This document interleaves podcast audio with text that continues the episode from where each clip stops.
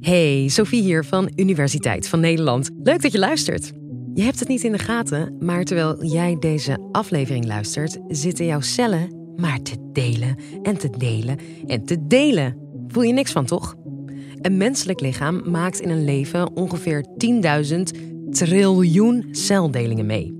En wetenschappers weten inmiddels hoe ze deze celeigenschap, dat delen dus, kunnen gebruiken om bijvoorbeeld nieuwe organen te maken in een lab. Wat gaan deze ontwikkelingen voor ons betekenen in de komende decennia? Hoogleraar vasculaire fysiologie Mark Post van Universiteit Maastricht legt het ons uit, cel voor cel. Ik heb 25 jaar gewerkt met heel veel plezier. Dat doe ik nog steeds aan uh, bloedvaten. Ik heb eerst gewerkt aan genezing van bloedvaten uh, als ze beschadigd zijn. Hoe herstellen ze dan? Daarna heb ik acht jaar gewerkt aan hoe maken we eigenlijk bloedvaten in het lichaam. Wij zijn geneigd, denk ik, om te denken dat we geboren worden met een bepaalde hoeveelheid bloedvaten, dat daar niks aan verandert. Maar wij maken eigenlijk voortdurend nieuwe bloedvaten en er worden ook weer bloedvaten afgebroken. Hoe gebeurt dat en hoe kunnen we dat op een of andere manier stimuleren? Bijvoorbeeld bij iemand met een eh, hartinfarct of met pijn op de borst bij inspanning, kunnen we daar nieuwe vaten laten groeien, zodat mensen geen klachten meer hebben. En de laatste acht jaar, de afgelopen acht jaar, heb ik gewerkt aan het maken van bloedvaten. Het maken van bloedvaten uit niks, uit cellen en materialen. Dit is uh, een hart. Het hart moet altijd heel erg hard werken, hè. moet altijd arbeid leveren. Dus heeft heel veel bloedvoorziening nodig. Dat komt van kransslagaderen. Die gaan de, de, de spier in van het hart. En dit zijn nou uitgerekend de plekken waar heel vaak aderverkalking optreedt. En als daar aderverkalking optreedt, dan vernauwt dat vat zich. Komt er onvoldoende bloed in die spier. En die spier die krijgt een zuurstoftekort en dat voel je, dat doet pijn.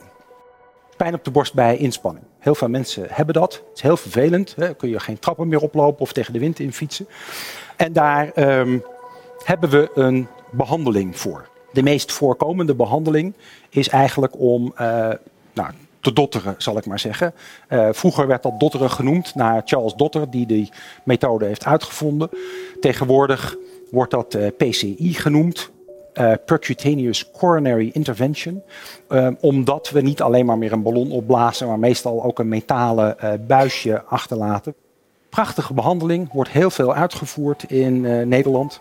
En heeft, vermoeden wij, ertoe geleid dat op dit ogenblik hart- en vaatziekten niet meer doodsoorzaak nummer 1 zijn, maar nummer 2. Kanker is nu nummer 1. Dat is een prachtige behandeling. Maar als je nou heel veel van dit soort vaten verstopt hebt, dan wordt er een omleidingsoperatie gedaan. Dan uh, ga je naar de chirurg, borstkas opengemaakt en dan worden er omleidingen om die vernauwing gemaakt. De eerste keer dat dat gebeurt, worden, ze, uh, de, worden de, de, slagaderen aan de binnenkant van de borstwand gebruikt. Die zijn eigenlijk het beste daarvoor. Die hebben om een of andere reden ook nooit aderverkalking. Of er worden vaten uit de benen gebruikt. En dat werkt allemaal prima. Die vaten die gaan 10, 15 jaar lang mee. Wat het probleem nou is, het, het luxe probleem eigenlijk, is dat deze mensen tegenwoordig zo lang overleven. Het gaat zo goed met die mensen dat ze 10, 15 jaar later weer opnieuw een vernauwing krijgen. Nu in die uh, beenvaten die in het hart zitten of in die uh, borstvaten die nu naar het hart toe gaan. En dan moeten ze opnieuw geopereerd worden. En soms zelfs een derde keer. En dan heb je geen bloedvaten meer. Dus dan moet je iets anders. Nou, kun je kunstvaten nemen. Die kunstvaten die doen het niet goed. Die, uh, die zijn echt niet heel erg succesvol. Die gaan nog veel sneller dichtzitten dan die, dan die eigen bloedvaten. Dus wij hebben gedacht, wij gaan bloedvaten maken van die patiënten. We nemen cellen af van die patiënten. Dat kan. Je kan een klein bloedvaatje uh, afnemen van patiënten die ze toch niet nodig hebben. Dan haal je daar de cellen uit. En vervolgens uh, neem je een uh, materiaal. Het lijkt een beetje op vilt. Dit materiaal is in Eindhoven gemaakt aan de Technische Universiteit. Een materiaal wat, waar cellen goed op kunnen groeien en in kunnen groeien.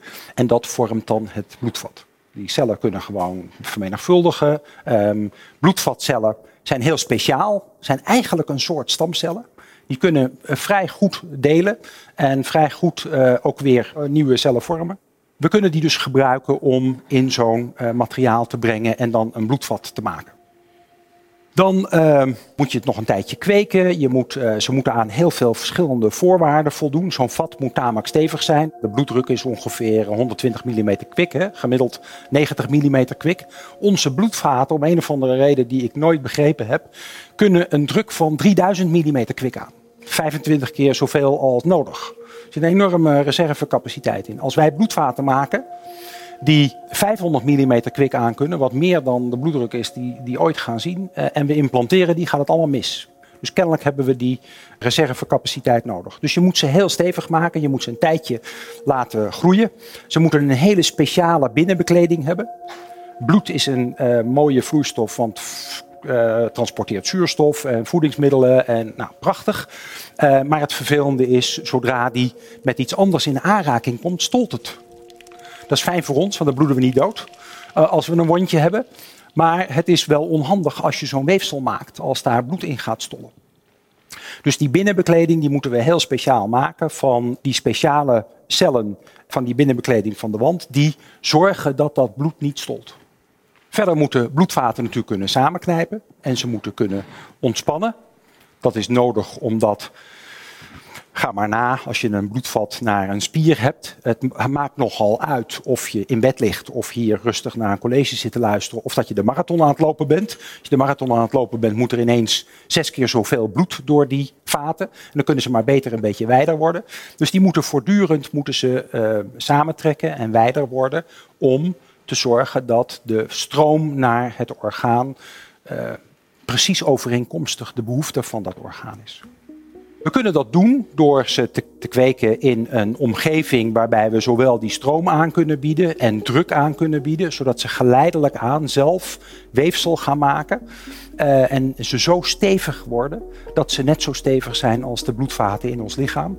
En we kunnen testen dat die binnenste laag, als we daar voortdurend stroom langs laten gaan, uh, of die inderdaad die eigenschap gaat vertonen om bloedstolling tegen te gaan ingewikkeld om te doen, maar het is mogelijk.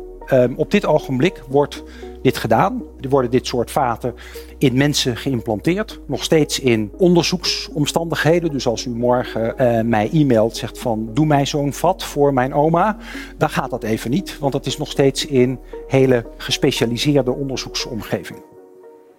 Een van de problemen bijvoorbeeld is dat je als je een, uh, een hartinfarct hebt, dan uh, heb je niet een paar weken de tijd om te wachten totdat dat bloedvat klaar is. Dan wil je dat eigenlijk meteen hebben. Dus uh, we zijn nu aan het zoeken naar manieren om te zorgen dat we die bloedvaten alvast van tevoren kunnen maken. En je ze gewoon op de plank hebt liggen op het moment dat een patiënt ze nodig hebt. Dankjewel Mark en jij bedankt voor het luisteren. We hebben nog veel meer podcasts voor je klaarstaan over ja, echt van alles en nog wat. Van zwarte gaten tot ongeluk in de liefde. Dus ja, leef je uit op ons kanaal. En uh, oh ja, laat even een recensie achter, want uh, dat vinden we leuk. Tot de volgende!